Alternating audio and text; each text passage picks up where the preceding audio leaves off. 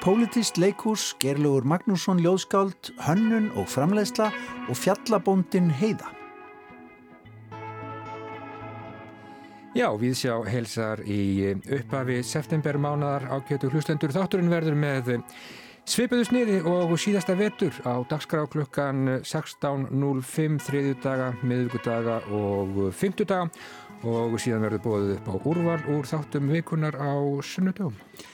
Já, Í vikunni kemur út bókin 100 ljóð en hún hefur að geima úrval ljóða eftir Gerlaug Magnússon.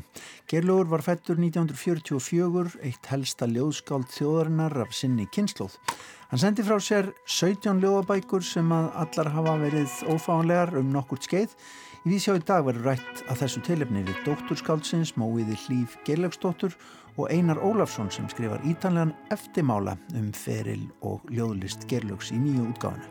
Já, aðeins tunglinu og mér dettur í hugað leita bláperja undir snjónumorti geirlaugur frábært skáld.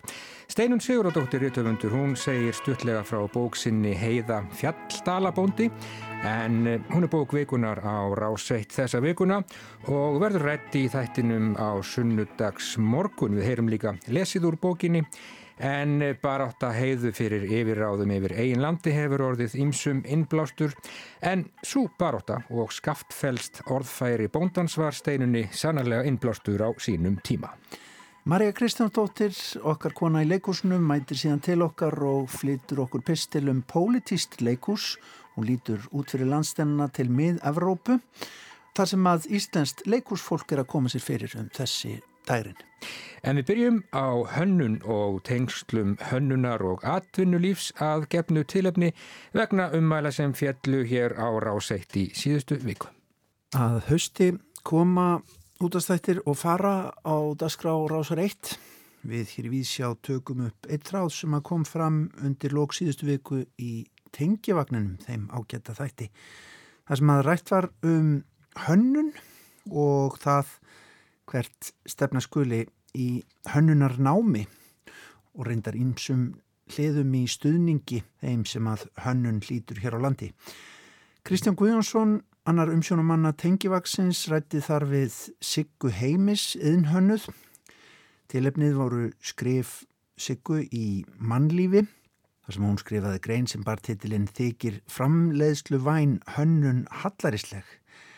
Ég ætla að grípa þetta hérna niður stöðlega í byrjun greinarnar Það ætlar að verða lífseg mýta að hönnun þurfi annarkvort að vera listrænt, háflegt og stórmerkilegt fyrirbæri eða rá yðnaðarleg fjöldaframlegsla.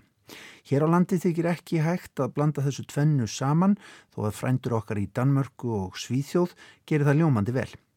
Hönnunanám hérlendis gengur alfarið út á að styðja fyrri tegund hönnunar þó svo að blessunarlega sé tæknu um hverfið okkar að sækja í sig veðrið og hönnun tengt því að eblast. En betum á ef duga skal og er lungu komin tími á hugafarsbreytingu á kennsluskrá hjá okkar eina háskóla Íslandinga í hönnun, Listaháskóla Íslands. Þetta er sem sagt upphafið á greininni sem að varð tilefni að spjalli við Sigur Heimis í tengivagninum í síðustu viku og við skulum heyra áðurna lengri haldið blá lokin á viðtalinu þar sem að innhönnurinn snýri tali sínu að Listaháskóla Íslands. En ég ætla núna, nú verða kannski einhverju pyrraðir, en ég er búin að hitta allt og marga nefnendur sem hafa klárað fyrstu þrjú árin í listaháskólanum, farið svo í framhalsnáma erlendis er, eh, og, og segjast að þegar þau fór í framhalsnámi þá þá þau voru svo ánað að því þá fenguðu allt í tenginguna við atvinnulífi, þau fengu allt í að skilja, kennararnir allt í að fóra að útskýra hvernig hlutinir, hvernig prósessan ganga fyrir sig, að hvernig ráefnið pluss vinnan, pluss eh, markasetning og annað virkaði.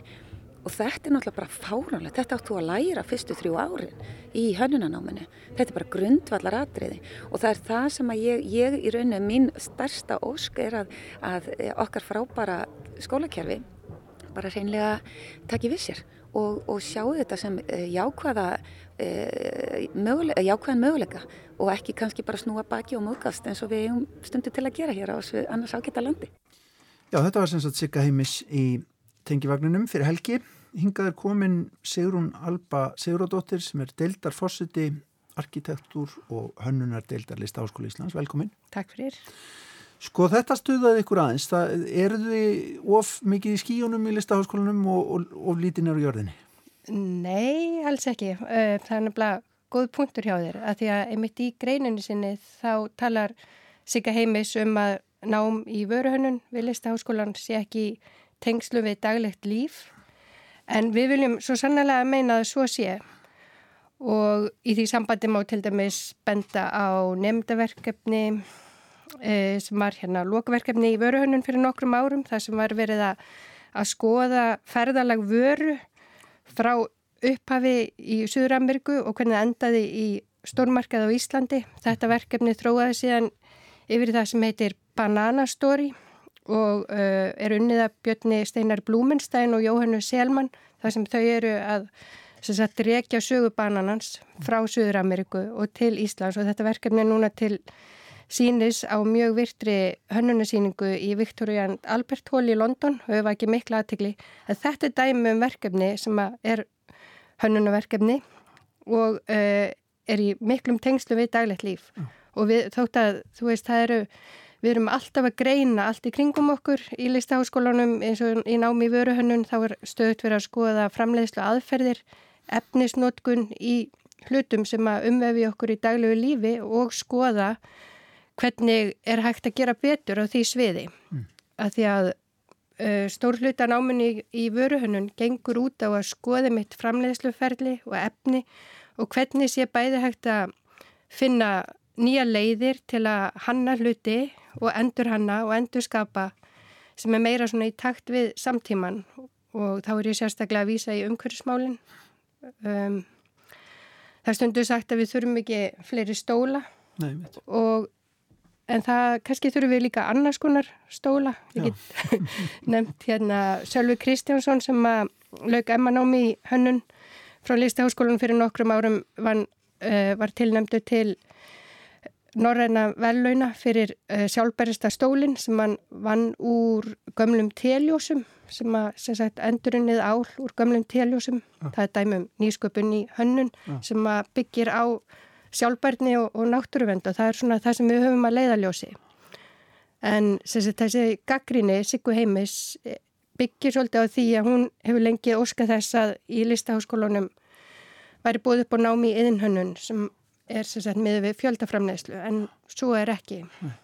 Það er alltaf annar skóli og hún reynda nefnir þann dæmi til dæmis for Svíþjóð þar sem að þar eru auðvitað tveir skólar til dæmis í Stokkólmi sem að skipta aðeins millir sín verkum. Eh, því auðvitað það er hansi margt undir hjá í hönnunadeldinni í Listaháskóla Íslands, ekki satt? Jú, en em... samt kannski eins og segir ekki allt. Nei, einmitt, við getum ekki gert allt vel, þannig að við ákveðum að gera suma hluti vel. Og nefndur okkar úr vöruhönnun hafa verið að komast inn í marga bestu skólum í Evrópu og Sigga nefnir einmitt konstfæg í Stokkólmi, hann er einn af þeim Ekal í Sviss, Royal College of Art í London og Design Academy í Eindhoven. Mm -hmm. Þetta er allt dæmi um, um skóla sem að nefndur með bíaprófi vöruhönnun hafa farið í. Um, það að, eins og hún heldur fram að þau hafi ekki vitað hvernig maður einhvern veginn vinnu vöru já, sem vöruhönnu Já, það er svolítið erfitt að trúa því að því að við til dæmis í náminu vinnum mikið með staðbundna framleiðslu og nefnundur fara inn í fyrirtæki, skoða framleiðslu aðferðir og skoða hvað sé hægt að gera nýtt í því samhengi. Sem dæmi get ég nefnt að nefndur hafa unnið eh, með ástyrtafélagi sem að þjónusta fólk með þróskahömlun að því að skoða hvernig fólk sem vinnur á venduð vinnustöðum getur komið með aukið framlag inn í fyrirtæki þar hefur leitt saman þeirra, þeirra hugvit og þeirra vinnuafl uh, við seglagerðina ægi til dæmis til að, til að hérna, finna upp nýjar aðferðir. Ný, já, nýja, já, algjörlega og við höfum unni líka með föngum á litlarhaunni mm. til að skoða hvernig uh, þeir geta nýtt uh, verstaðin þar til að framleiða sjálfbarar vörur og, og nýtt sína hæfileika líka í, mm. e, á svona meira skapandi hátt.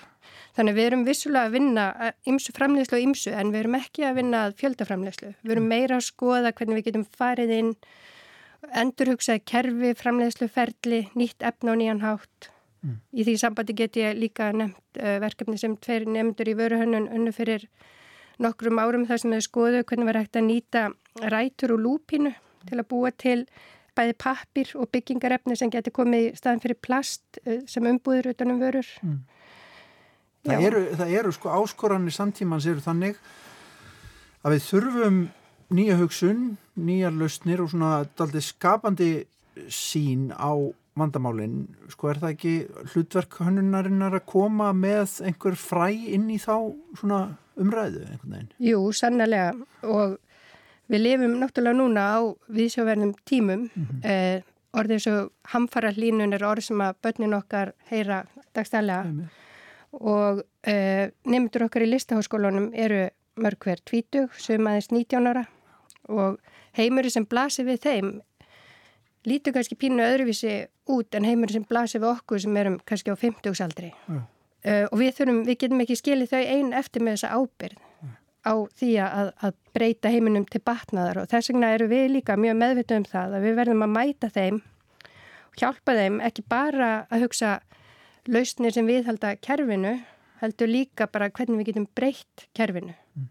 En ef við hugsun bara um svona þessi grunn kannski gaggríni sem kemur andan fram að, að tengslinn yfir í kallum við bara business mm -hmm. á, á lélæri íslensku og, og ekki íslensku eins og niður eru þau oflöng, eru oflangt yfir í, yfir í það? Nei, ég tel svo ekki vera.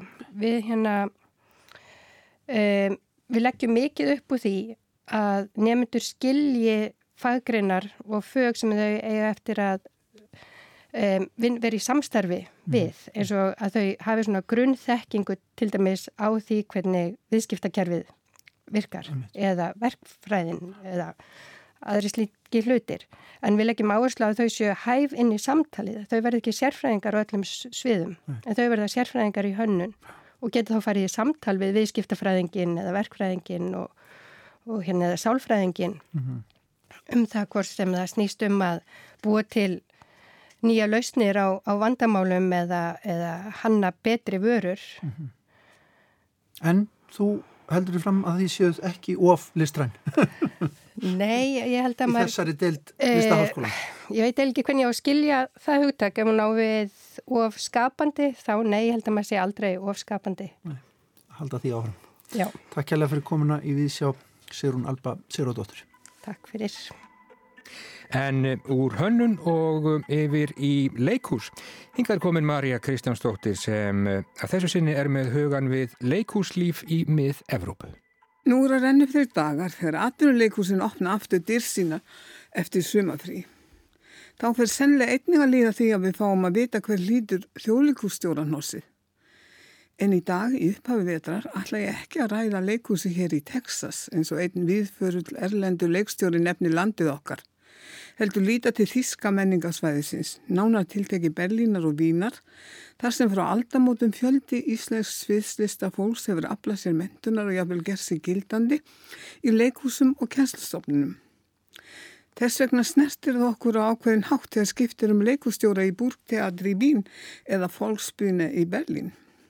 Það mun áræðilega hafa áhrif á íslenska leikúsmenningu til framtíðar en svo er líka gaman að skoða hvernig þíski leikustjóra kynna sig til leiks en það er það nokkuð ólíkt íslenskum kollegum þeirra. Ég ætla að byrja á hennu sögufræga búrkteatri í Vín því mikla bákni með 60 fastráðunum leikurum. En þar hefur leikunan Elma Stefani Ágústóttir nýlega verið ráðandi starfa og í óstaðfestum fréttum höfum við líka hýrt að leikstjórin Gísli Örd Garðarsson muni setja þær síningu á komandi vetri. Hinn 56 ára gamle östuríkismadur Martin Cousset tók við starfi leikustjóra í búrteater á sunnudagi var. Hann á ættir að rekja til slóvenska hluta Östuríkis, mentaði sér í fyrstu sem handbóltamadur en sneri síðan sínu kvæði kross og svissaði yfir á leikúsið. Hann talar sjö tungumál. Þektur og viðkendur er hann sem leikstjóri jæmt í leikúsi sem óperu víða um Evrópu. Hann hefur verið starfandi leikustjóri í residensleikúsin í München síðastleginn tvö ár. Í viðtali fyrir nokkrum árum vitnaði hann í slóven skálp, Ívan Sangar, þegar hann listið stöðu sinni. Maður, listamadur, yfirgefið sinn dimma einangrað dal, reynir að verða fráls gegnum listina út í hinnum stóra heimi, en hvað sem hann þér þrengja sér alls það rætur áttahana upp úr jörðinni, fletta sig um fætur hans, reyna ná til hjarta hans sálar. og nú er Kusei komin til áttagana. Í viðtölum hefur hann list yfir að leikhúsið muni verða evróst ekki þjóðræknislegt undir sinni stjórn. Þar muni sjást fleiri konur, þar verði tölu fleiri tungumál en þíska. Hann er þeirra skoðunar að analóg heimur leikhúsins þar sem leikara svitni geti haft aðdráttarafl fyrir ungt fólk. Hann ætlar minnst að kosti að reyna að lokka ungt fólk og börn með fjölskylduverkum í leikhúsið. En veigamestu skilabóð hans eru að það sé tími til komin að leikhúsið verði aftur pólitist þar sem við stöndum frammi fyrir því að heimska og fáfræði fari sigur för um heiminn. Leikhúsið ætti að geta verið þar anstæður pól, tala fyrir menningarlegu umbyrðalindi opnu samfélagi mannúð, hvetja áhörfundi til umhugsunar og hlú að sálu þeirra. Orðrétt segir hann í einu viðtalana, ég er ekki stjórnmálmaður, ég starfi í leikhúsi í listum. En auðvitað er í mínu starfi svið sem eru pólitísk eða fást við pólitík. Svo greini ég á milli mín sem ofinberrar personu og leikhúsmanns. Sem stjórnandi búrteaters fylgi ég vini mínu Martin Róðheitnum á málum. Fólk sem stýrir stórum stopnunum verður af að skýra pólitíska afstöðum. Starf leikústjóra Burgteat er ákallega vel til þess fallið að lýsa yfir slíkri pólitískri afstöðu. Ég mun taka til máls þegar það er nöðsilegt. En listræn gjörð getur líka og á að vera pólitísk. Fólksbyrni í Berlín, það sögufræga leikús sem uppálega var rista menningafélagi verkarisefingarnar hefur ætti verið tákn pólitísk leikús. Hér í Víðsjá hefur áður verið greint frá þeim miklu viðbröðum sem urðu þegar ofustyrni Frank Kastor leta störfum eftir 25 ævintýr ár og sapstjórin frá Teit, Chris Dekron, var ráðinn til að taka við leikústjórn fólksbyrni. Menn óttuðust að Dekron myndi breyta pólitísku leikúsi í viðburða sjóppum fyrir þótulið alþjóðavættrar menningar. Aðgerra sinna settu stað í leikúsinu á fyrsta degi hans í embætti í september 2017 og trubluð æfingar þar til þeir voru bornir út af lögreglu viku síðar. Dekrun réði ekki við verkið og í april og næsta ári var hann rekin. Þá var ráðið leikustjórun stundarsakir eða til ásins 2021 Klaus Dörr að nafni, tölvánu stjórnandi frá Stuttgart og Víðar. Hann kallaði til liðsvísi íslenska leikstjóran Þorleif Örn Arnarsson sem yfirmann leiklistar eða hvernig svo sem hann getur þýtt sjálfsbíldirektor yfir áhið áskæra í lýra. Hann byrjar ferilinn með því að leikstýra verki sínu og Mikael Storvarssonar æni Ódíse sem byggt er á kviðu Hómers og frimsymdi verður þann 12. september næstkomandi á stóra sviði leikursins. Þar leikur Solveig Arnardóttir eitt af aðhlutverkunum. En á sama tíma og metnaða full verkefnaskrá þessara listamanna sem ráðnir eru til næstu tvekja ára lítu dagsins ljós þá heldur borgarstjórin í Berlín Blaðmannafund til að skýra frá því að ráðin hafi verið nýð leikustjóri fólksbyrni sem taki við 2021. Sá heitir René Polles. 56 ára berluna leikskald og leikstjóri, orð, snillingur og hommi sem sagður vera mest í feministi á þýsku leiksviði. Hann starfaði með Kastor frá árunni 2001 og leikstýri jáfnframt víða í Þískalandi, Östurík og Sviss. Hann hefur sem sagt tengsl við fórstíðin að þekkir húsið og starfsfólkið og ætla sér að endur á það marga þekta leikara þess og stjórnendur. Hann segist þó ekki verið neitt trjóuherstu fyrir Kastorf sem sumir hafa kallað eftir að verði endur á þinn. Á bladamannafundinum laði Póles áherslu á að þetta er í fyrsta skipti sem leikskáld stjórnaði leikhúsi í Þískalandi. Það hafi vanta leikus í Bellin sem stjórna sig af leikskáldi og vinnu aðferðin þess. Hugmyndin er að flytja vinnu aðferðin mína yfir á húsið og jáfnframt opna það fyrir öðrum vinnu aðferðum sem ekki eiga heima í borgarleikusum, sagðan. Þá kom þar fram hjá honum að klassík verður ekki á fjölónum í stjórnatíðans. Sjálfstæði sviðslista hópar fá þar hins vegar inni, leikúsið verður opnað fyrir umræður. Pólitísk afstæða hans er hins vegar nokkuð gröytarkent þó hann vittni óspart í breytt. En hann segist vona að við fólksbynum innan halda áfram að gera ekki allt rétt. Hann ætli ekki haga sér skikkanlega og alls ekki að gera það sem búið sér við af honum. Þjóðverjar sem telja gaggrinni nöðsynlegan þátt í vitsmunarlegu lífi eru þetta strax farnir að setja spurningamerki við þessa ráningu. Þeir benda meðal annars á að vinnubröð Póles sem leikskáld séu ekki beinlýnist til eftirbreytni en hann hafi aldrei leikstýrt öðru en sínu eigin postdramatíska textaflóði og aldrei hleyft öðrum leikstjóra af neinu verka sinna. Hann hafi líka víða fullirt að leikskáld og leikara séu það sem til þurfi í leikusinu, leikstjórin sé óþarfur. Þá finnst sumum að hér sé verið að vekja upp draug úr forstíðni í stað þess að kalla framtíðina til verka. Hann var meðal annars spurður að því á bladamannafundinum hvort hann hafi ekki rætt við unga fólki sem nú sé að endur þessa fólksbýna. Það segist hann ekki hafa gert um muni bráðlega að gera. Allavega verður gaman að fylgjast með hvernig landsmönnum okkar reyðir af í samskiptum við þessa tvo ólíku leikustjóra. Uppgangur fasista í kostningunum í Brandenburg og Saxlandum síðustu helgi mynd þó sennilega skikja það nokkuð á því þeir hafa líst stríði á hendur vinstri sinnuðu pólitísku leikúsi. Saði Marja Kristjánsdóttir sem verður með okkur á leikúsvaktinni hér í Víðsjá í vetur. En bók vikunar hér á ráseitt að þessu sinni er heiða fjalldalabondin æfisaga heiðu Guðnýjar Áskeirstóttur á ljótunarstöðum í Skaftartungu. Skráð af steinunni Sigurdardóttur bók sem að kom út árið 2016. Bókin um heiðu er að koma víða út þessi misserinn víða um lönd en í bókinni lýsir heiða uppvexti sínum á ljótárstöðum þeirri ákvörðun að taka yfir rekstur búsins og hlutskipti einirkjans sem þarf ekki aðeins að axla ábyrða á búrekstrinum heldur standa í stríði við orkufyrirtæki sem ásælist landennar. Við ringdum Östraland til að heyra í steinunni Sigurðardóttur. Þessi bókum kom þannig til að vinkona mín hérna fyrir Suðaustan í Skaftaflýslu sagði mér að ég yrði að hitta heiðu. Og ég sagði bara koma fjöllum hverju það?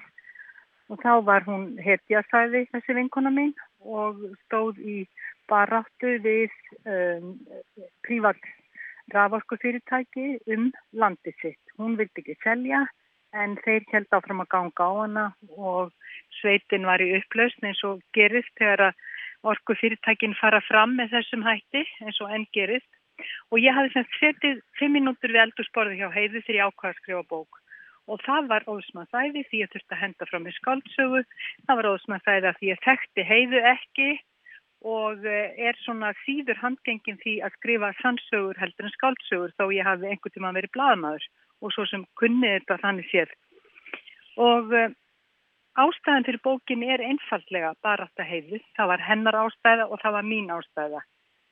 En heiða tók restina á bókinni eins og risastóri uh, auka verkun því að hún er lítið geðin fyrir að tala um sjálfa sig og þar var ég komin með þetta. Það sem að, það er stórkostlega, ég var komin með uh, söguefni gegn vilja sínum. Ég var komin með aðal söguhetjur eða einu söguhetjuna í bókinni sem að raunverulega kæri sig ekki um umtal og það er nokkuð góð staða fyrir einn höfundi. Sko, þú náttúrulega beitir við þetta daldið öðrum meðlum og aðferðum en þú ert vön í þínum bókum svona, ég hinga til að mista kosti. Já, ég er að vona að sko hverri bók eh, ný aðferð. Fyrir hverja bók þar nýja aðferð samankvortaði skálsaga eða samsaga og eh, ég er að vona að ég hafi dótti niður á nokkuð frumlega og áhrifaríka leið til að koma heiðu til skila, ekki mér heldur heiðu.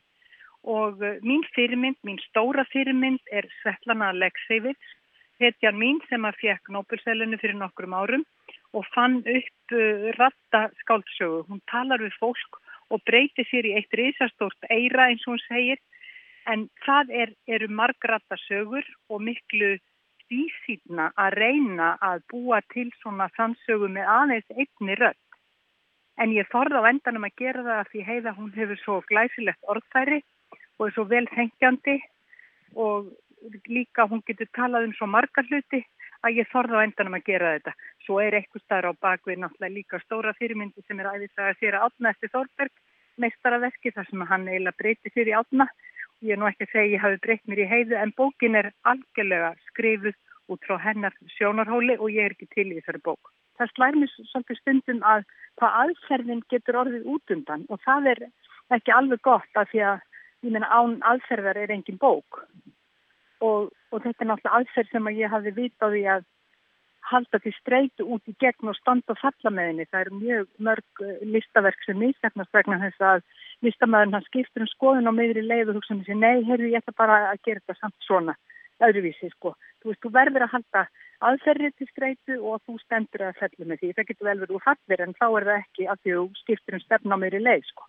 Þú nefnir þetta með orðfæri heiðu.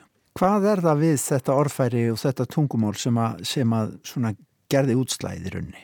Heiða hefur einstakt orðfæri sem hefur rætur í gamalli íslenskri bókmyndahefð. Hún er alveg upp á einum af þessum bonda bókabæjum eða hvað ég á að kalla það. Síðan var á hennar heimili mjög mikið leikið sér að orðum.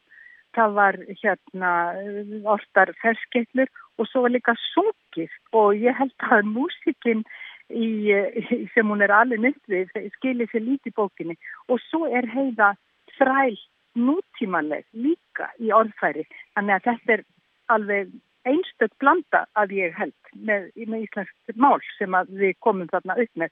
Og mikil ábyrð hjá mér að halda ég til haga en laga það samt að prentmáli.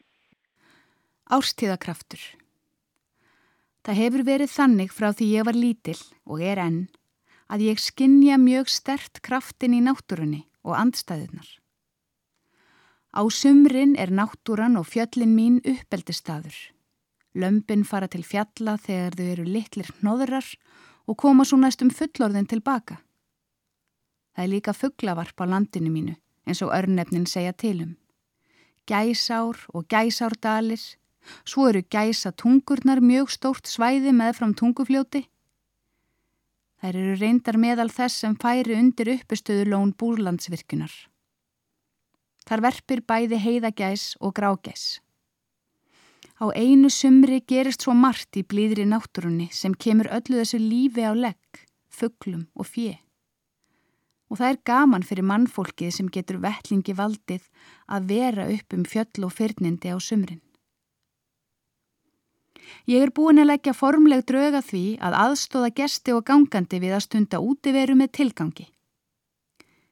Fyrirtæki mitt heitir Vaga en það er skaftfelska yfir þá algengu aðtöfn að ganga og hefur ekkert með göngulag að gera eins og sömur halda.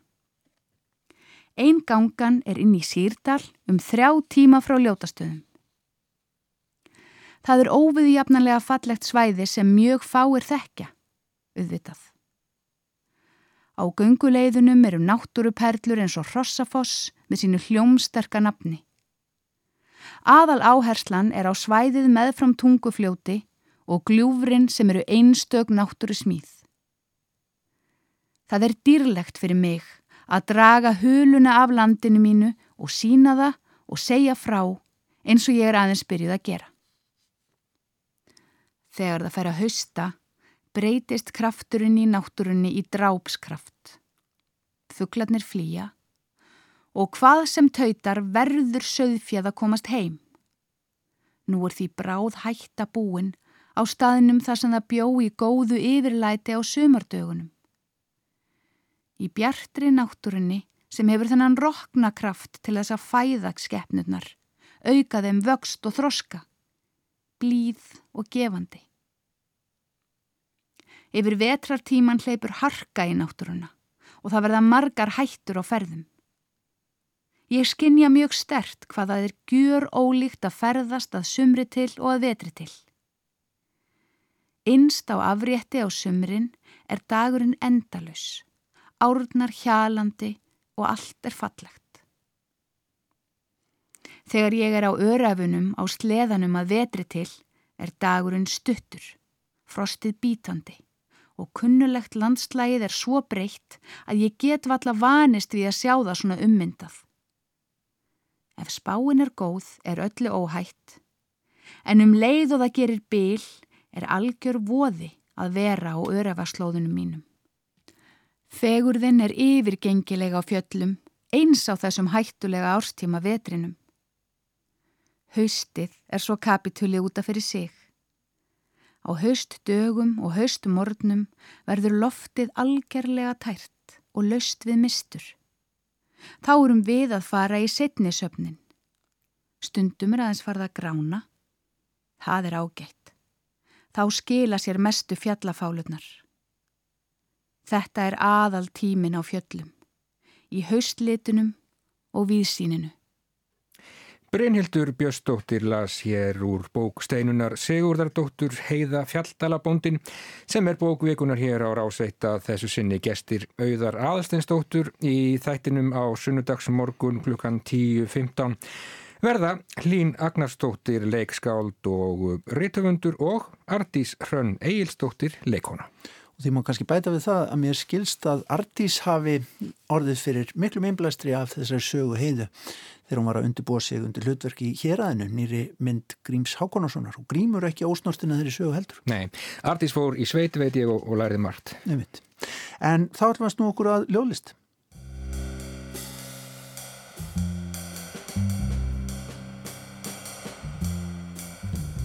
Brauð, vín, gítar, verkværi Þeim er krefsteinstís frekar, söngstu. Þeim glimti ég í fánýtri leit að gæfu, von sem býri einn í brauði, víni, gítar, verkværum. Glimt þeim, þér, mér, í heimsku þótta fyrð, glimt. Landi mínu sem drúpir undir vangjum gamsins eins og landitt glimt það hjúra sig að gamminum í leit að hlýju.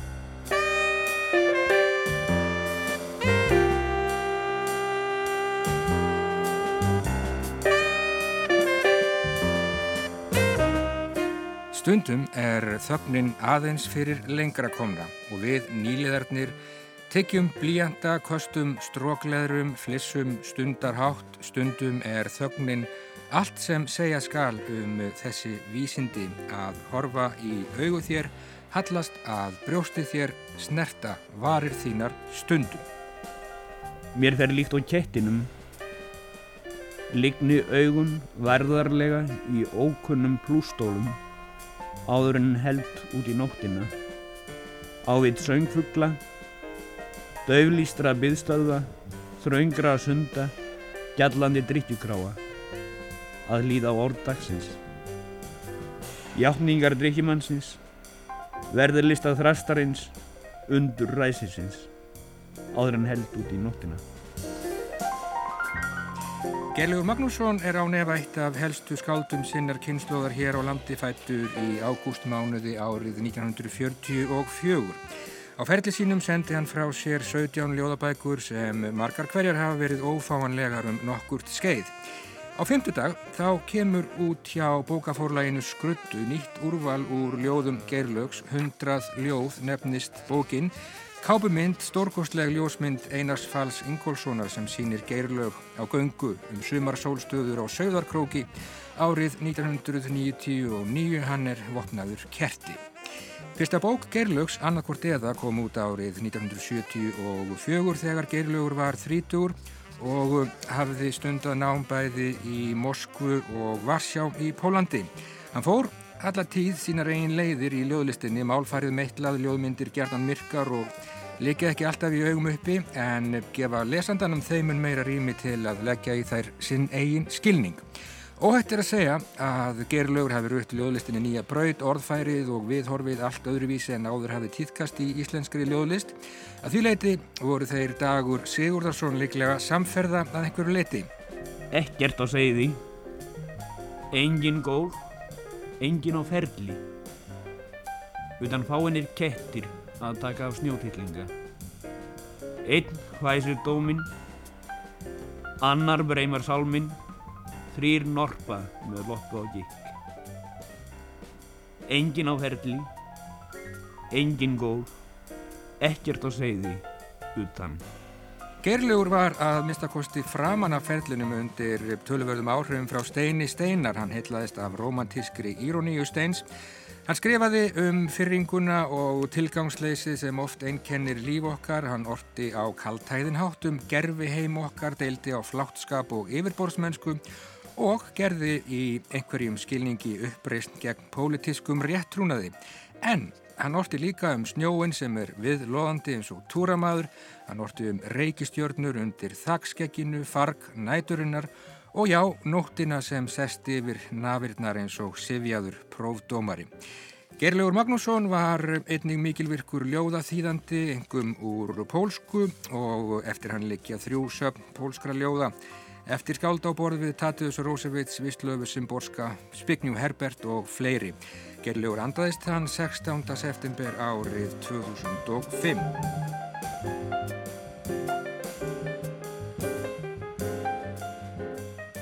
Já, maður vopnaður kerti um sumar sólstöður á sögðár króki og hundrað ljóð í réttstjórn sátu þau Einar Ólafsson, Gunnar Skarpjæðinsson, Óskar Árni Óskarsson og dóttir skálsins Móheiður Hlýf, Gerlögsdóttir. Einar Ólafsson gerir ítarlega grein fyrir ferli og skálskap Gerlögs í fróðlegum eftirmála og Móheiður skrifar fallegan ingangað safninu. Þar sem hún segir meðal annars að fadur sinn hafi þrátt fyrir trúleysi trúað á ímislegt til dæmis endurholdgun og hafi jafnvel búist við því að verða spörfugl, nú eða grárköttur í vesturbænum í næsta lífi. Þau eru sest hérna hjá mér Móheiður Hlýf, dóttir Gerilögs og Einar Ólafsson verið hjartanlega velkomin í Víðsjá bæði tvö. Eh, Einar, hvernig, hvernig skáld var Gerilögur Magnússon? Já, það er, það er erfið spurning þetta. Uh, Dýrlaugur var náttúrulega sérstætt skáld fyrst mér en ég, hef nú verið að reyna að ég skrifaði nú um hann í, í, í þetta úrval og að vera að reyna að hvernig lýsónum en það er svolítið erfitt kannski í stuttumáli Já, þetta er mjög ítarlegur og fín, fín eftirmáli. Já, takk fyrir það. Uh, en hann var svona hann skar sér svolítið úr sínum uh, úr skaldahópnum fannst mér alltaf með því að vera svona, hann var svolítið gætt verið um, hann svona slípaði ljóðin svolítið öðruvís en margir aðrir tálkaði þau svolítið og en þó ekki næri alltaf hann var ekkert hérst ekkert við svo sem eitt, eitt form eða þannig. Hann var svolítið kaltæðin gætt hann verið uh, evasemdamaður í og og um, svona ekki ekki yfirlýsingaglaður en undirtótnin mjög svona djúpur og þungur og sterkur, hann kemur hérna fram hvað 30. 1974 með bók sem heitir annarkvort eða ekki satt? Jú og hann var svolítið, hann var á þessum tíma voru nú hérna, voru menn að gefa út uh, sínar fyrstu bækur mjög ungir tjarnan uh, menn voru farnir í þá leið að fjölritaðir bara voru til þess átleita mann Sigur Jóns í letri sem að fara fjölritinastofu og þar var þetta bara var þess bara dæmt inn og fjölritað Já. þannig að bækurna voru að koma út en gerlögur fór sér hægar og hann gaf eitt út sína fyrstu bók fyrir hann var komin frá Pólandi 1970 koma frá Pólandi. Og svo var hann í hérna uh, Moskvu eitt ára áður. Já. en uh, hann var semst orðins þrítugur þegar fyrsta bókin kom út 74 Já Móheður, þú skrifar mjög fallegan ingangum pappaðinn um, í þessari bók, nýju bók, hundrað uh, ljóð. Um, þetta er kannski svolítið nálagt en hérna, já, gerlaugur uh, sem, sem skáld, var hann mikið til dæmis að halda þér skálskap, sínum skálskap og, og öðrum skálskap? Nei, eiginlega ekki, sko, alls ekki.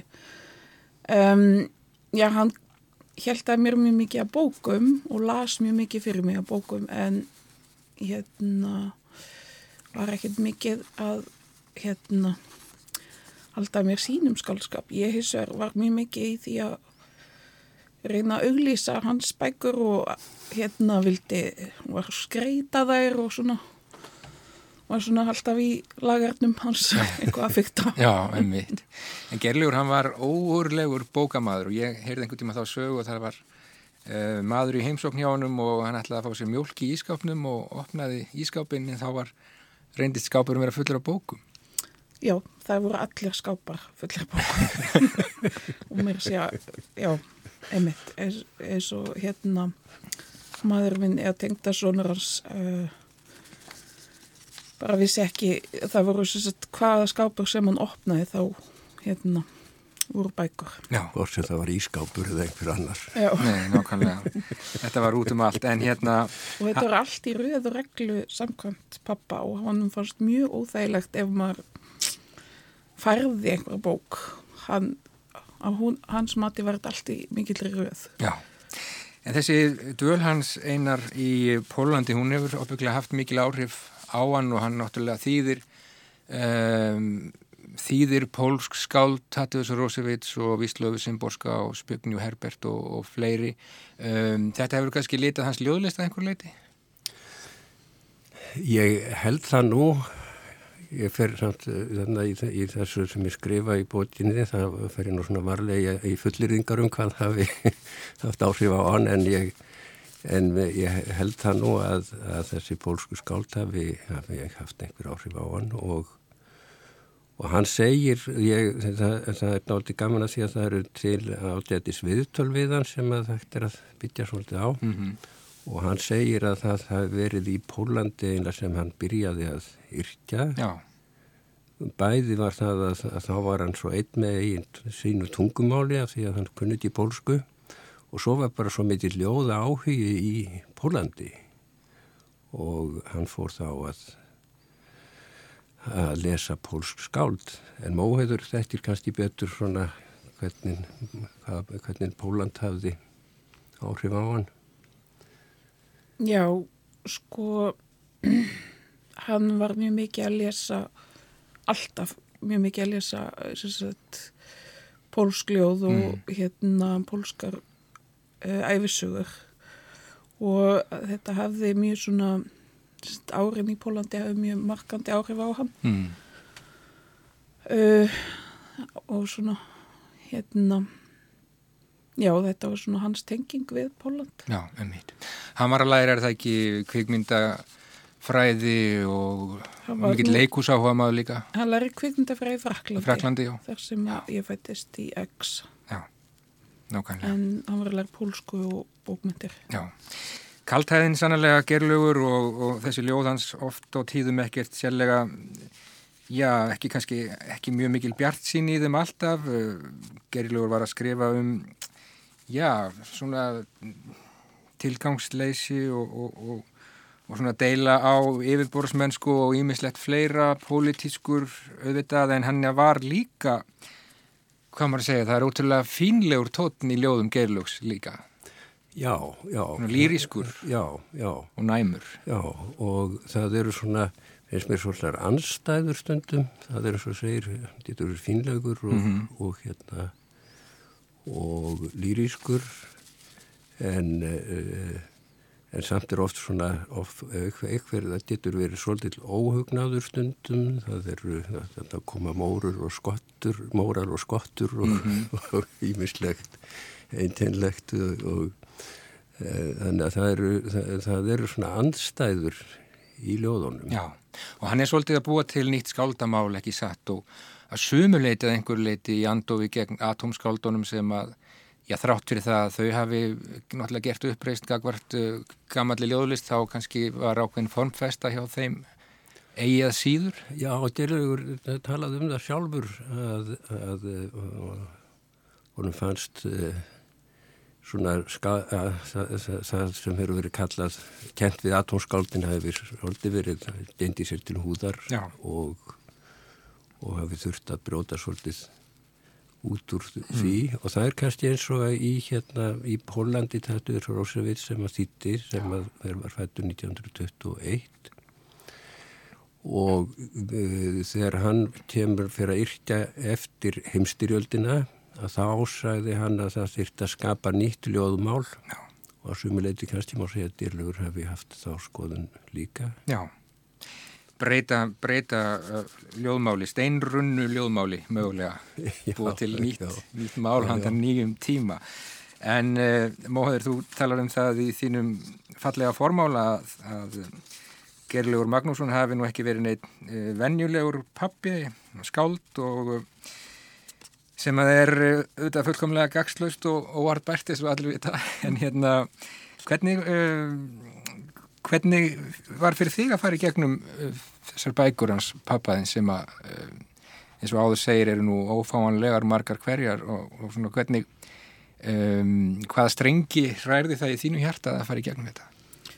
Já, sko ég fann að ég þekkti fyrir hluta hérna bara hans ferils mjög vel einhvern veginn. Það einhvern veginn mér fannst eins og og ég hafi lesið það greiðlega bara oft og þannig að mér finnst mjög gaman og gott að lesa í gegnum all, alla bækurnar. Og hérna og þessi setniljóð þau kannski voru svona svolítið erfæri fyrir mig að lesa. Og náttúrulega tala til dæmis í síðustu ljóðbókinni þegar hann er veikur og, og hérna. Þarna er bara bókstæðilega síðasta ljóði sem hann orti ekki já, satt sem einmitt. heitir Dauðastríð já, og já, það er svona tekur aðeins mér á að lesa þau. Og þannig ég þekkti þau minna. En það var náttúrulega mjög gott að lesa þau með hérna þessum góðu vinnum ás pappa af því að þeir einhvern veginn sjá hann og sjá kannski ljóðin miklu betur heldur ég á annan hátt. Já, og Skarafni og Gunnar Skarpjensson og Einar og Gerður Eliasson líka voru mjög hérna þeirra svona skoðin var mjög gagleg fyrir Já. mig eh, talandum Gerði Eliasson, áhrif Gerlaugs Magnússon, Gerlaugur kendi Gerði á Söðarkróki í fjölbætaskólanum þar og uh, ég veit hann hafði mikil áhrif á Gerði Gerður hennu orðið skáldkortið er held ég en, en eiga síður. Hvað segir þú um stöðu Gerlaugs í svona íslenski löðlistarsögu segni tímum?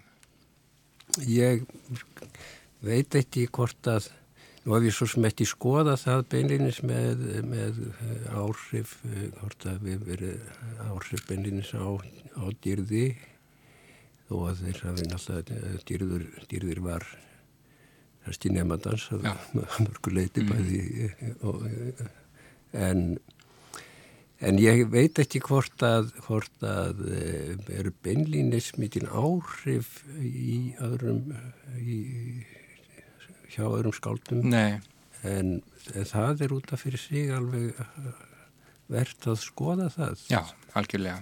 Og, og oft er þetta kannski auð, auðvöld að sjá það en það getur vel verið að, að, að délur hafi haft áhrif á einhverjar yngri. Skipti kannski málið þessar bækur hafa verið ófáanlegar lengi margar hverjar.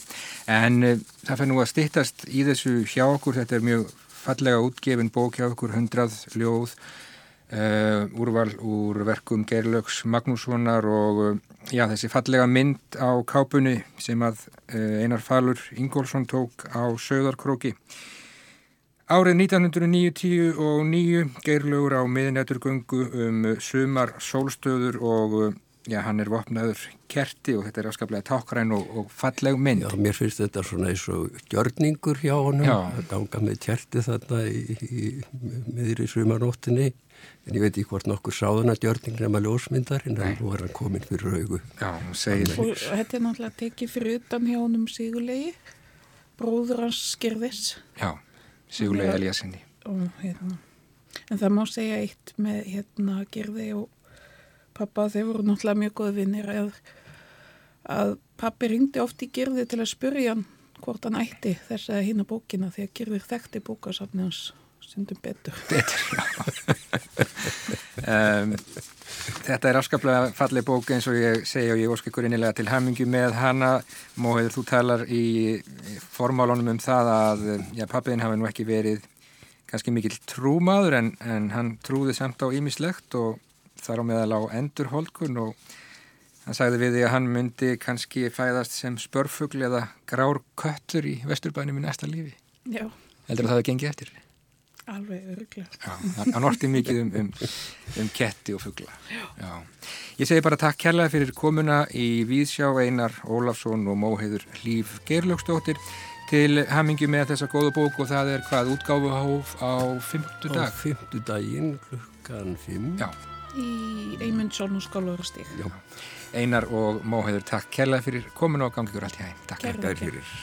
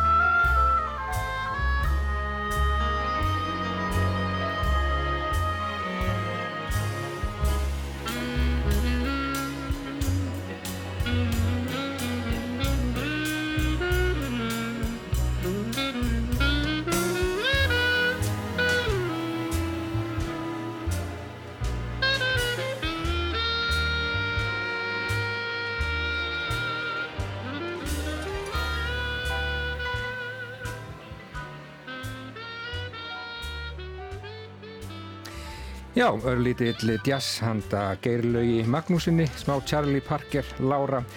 Ljóðabókin 100 ljóð, úrval úr ljóðum Geirlaugs kemur út á 50 dag og já, útgáfuhóf í Eymundsson við skólavörðustíg klukkan 17, klukkan 5 á þeim degi. En Gunni Tómasson, það veit ég um þig að á heimili þín í Vesturbæðinum þar er greipur sem að tengist Geirlaugi Magnúsinni.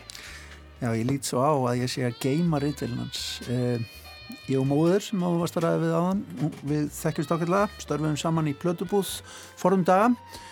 Hún var einu svona halda garsöl og ég kefti rittvelina hans Gellaugs, forláta svona ferða rittvel ég með hann er geimslu, hún bara færa hann ekkert hjá hann aftur. Já, þú ert ekkert að nota hana. Nei. Ferða rittvel segir þau og ekki kemur með henni vinnunni samt? Nei, reyndar ekki. En við erum komin á leðarenda í dag. Já. Heyrumst aftur á morgun. Takk fyrir samhildina